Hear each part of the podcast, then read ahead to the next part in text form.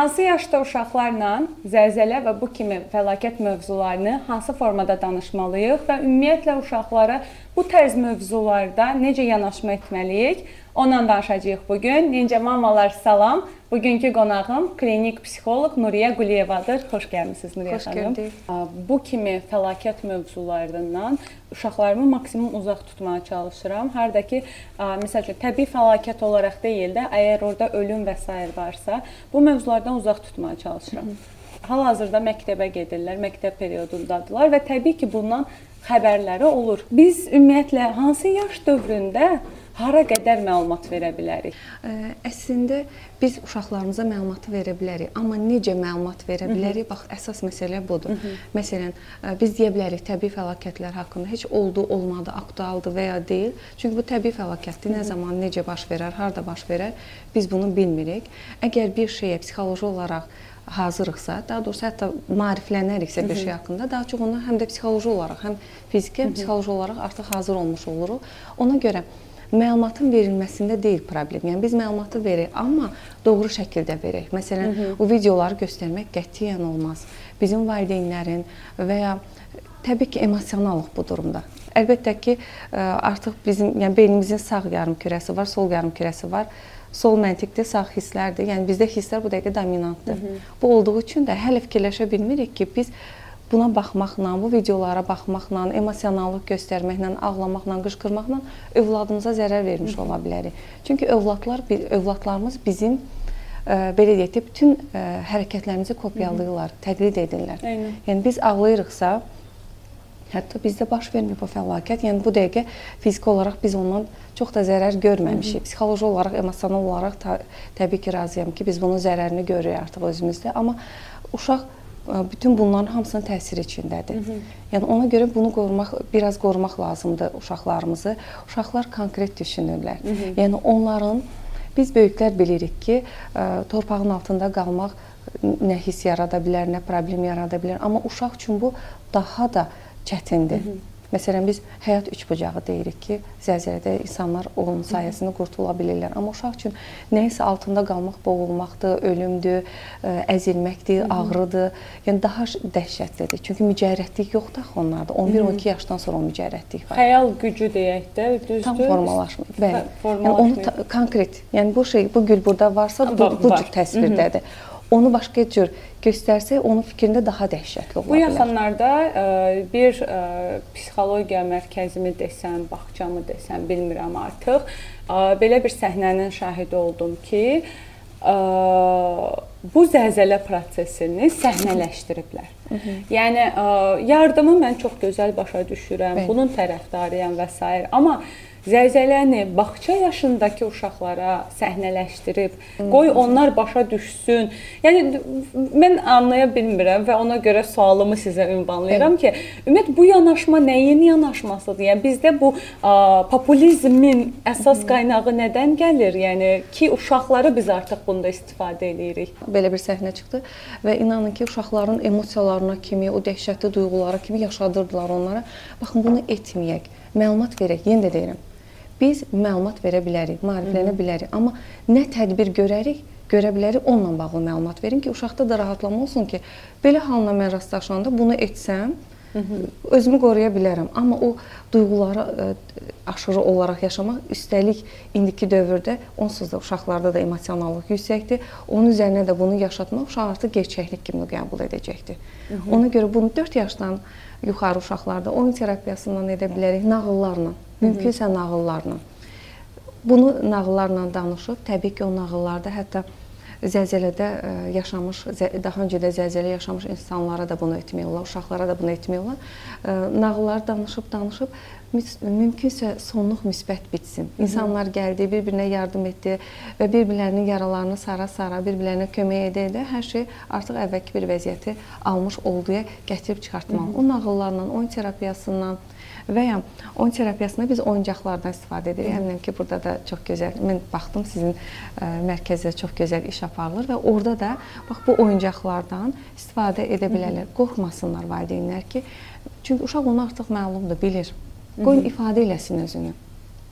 Bizim qorxduğumuz uşağın dəhşətli səhnələri görməsidir, ifadə etməsi deyil. Əksinə, nə görübsə, qoyun bu oyunlar vasitəsilə uşaq hisslərini də, qorxusunu da, ağlamağını da, bütün hisslərini orada öz emosiyalarını ifadə eləsin. Maraqlı bir nüansdır. Məsəl üçün əminəm ki, bəzi valideynlərə də bu sual beynində dolaşır ki, oyunlar dedikdə konkret olaraq konkretləşdirsək nə tərz oyunlarla oynaya bilərik və bu oyunun bir nəticəsi olmalıdır. Çünki biz bu oyunu bir məqsəd üçün eləyirik. Mütləq. Yəni bu adi ana ilə balanın oyunu deyil. Düz. Hansı tərz oyunlardan istifadə edə bilərik və burdan biz hansı mesaj almalıyıq? Yəni həyəcan təbili nə vaxt çalınmalıdır? Gördünüz ki, uşaqda qorxular artıbdı. Emosional vəziyyətində təbii ki, artıq valideyn çox daha yaxşı müşahidə edir. Uşağın 2 həftə əvvəlki, 1 həftə əvvəlki vəziyyəti ilə indiki vəziyyətində fərqli hiss, hiss edirsə, məsəl üçün biz e, John e, Bowlby var, o deyir ki, qorxu mayaqları, yəni uşaq bir yerə diqqətlə baxırsa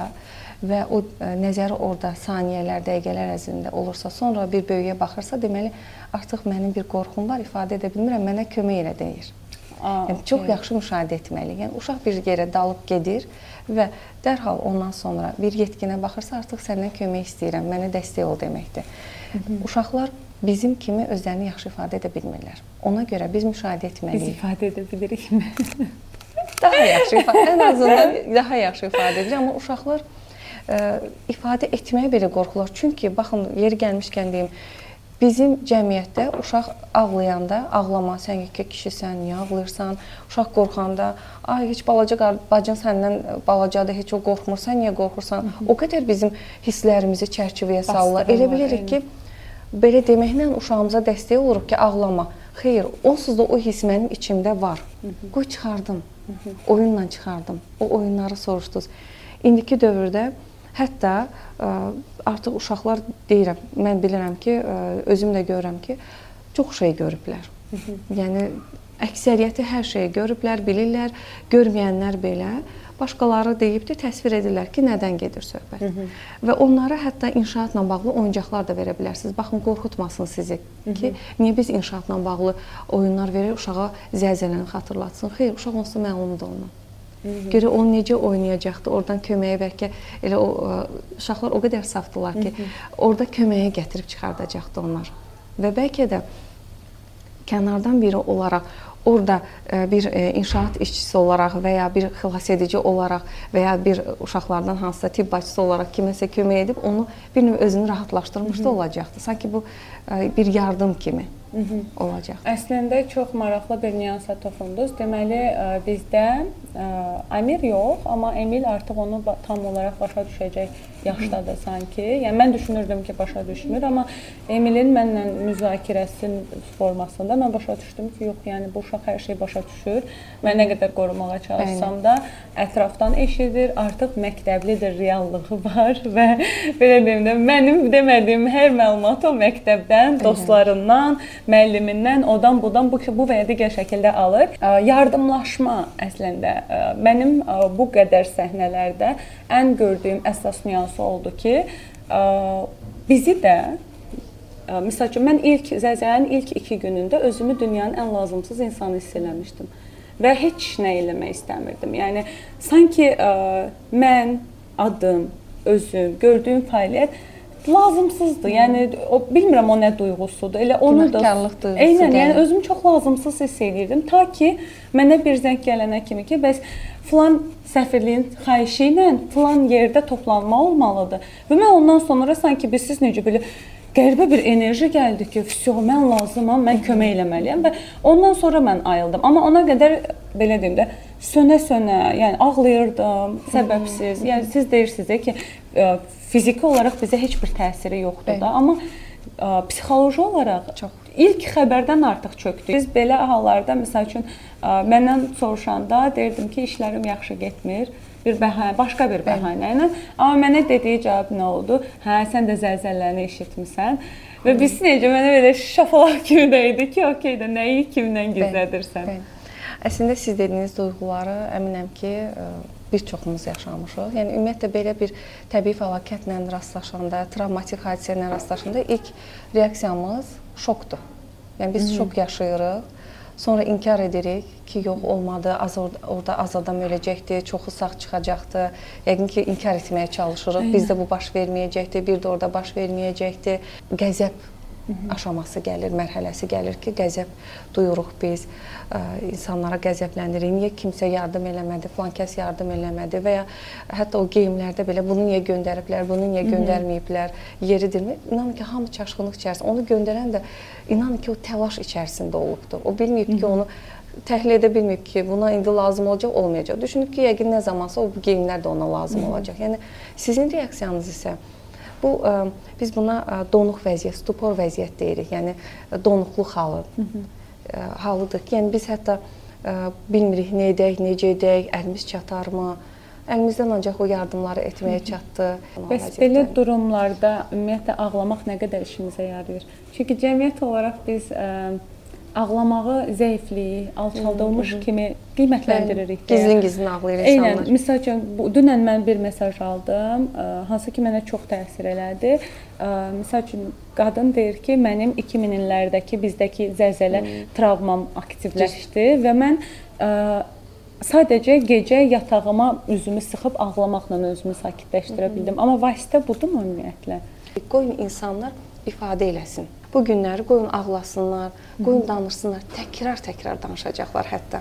Hı -hı. Uşaqlar da gəlib bizə eyni şeyi təkrar-təkrar deyəcəklər. O sorğular, o suallar xanımdakı desin, kiməsə danışsın. Sizə yazmağı belə bilirsiniz nə qədər böyük bir ona psixoloji dəstəkdir. Eynən elə də yazmışdı ki, bilmədim mən bu mövzuda kimlə dərdləşsəm bəlkə də mənə gülər. Hı. Düşündüm ki, sizi tanımıram, sizə yazsam biraz da olsa acım acım sakitləşər bu duyğuları ifadə etməyiniz, ağlamağınız, qışqırmağınız belə normaldır. Heç kim sizə deməyə haqqı yoxdur ki, niyə qışqırırsan? Mən bu cür özümü ifadə edirəm.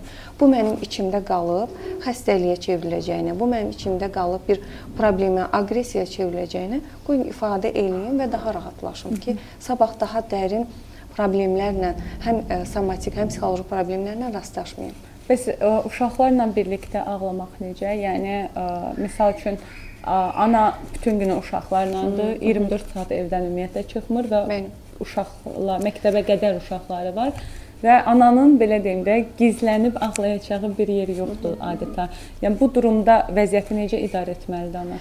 Baxın mən biraz öncə də dedim ki, biz necə reaksiya versək, necə qəbul eləsək bu təbii fəlakəti, uşaq da eyni cür qəbul edəcək. Əgər mən bu ağrımı, acımı, təəssüfümü, məyusluğumu, qəzəbimi uşağımın yanında ifadə etsəm, bax bu incə məqamdır. Onların yanında çalışaq ki, bunu etməyək. Çünki uşaq hələ dərk eləmir. Zəlzələ uzaqdadır bizdən. Günü bu gün bizdən, hələ ki zəlzələ uzaqdadır. Yəni bizdə baş verməyib. Amma mən uşağımın yanında, övladımın yanında bu emosiyalarıma qapılsam, uşaq fikirləşəcək ki, biz təhlükədəyik hər an, hər an nəsə baş verə bilər, qorxulu bir vəziyyət var və artıq həyəcanlanacaq uşaq, təşviş yaranacaq uşaqda. Ona görə mümkünsə uşaq ağladsa imkan verin. Yəni nəyisə ifadə etmir, etmək istəyir, ağlayırsa, buna qətiyyən mane olmuruq. Amma biz biraz onun yanında daha sakit, daha təmkinli olmaq. Çox sağ olun Nuriyə xanım, çox təşəkkür Mən edirəm. Təşəkkür. Belə Ninja mamalar, bu dəfəki podkastımızda daha çox çalışdıq ki, sizin emosional durumunuzun övladınıza əsas təsirindən danışaq. Əgər sizin də suallarınız olarsa, aşağıda rəy bölməsində yazmanızı istəyəcəm. Növbəti Ninja Mama podkastlarında görüşənə qədər hələlik özünüzə yaxşı baxın.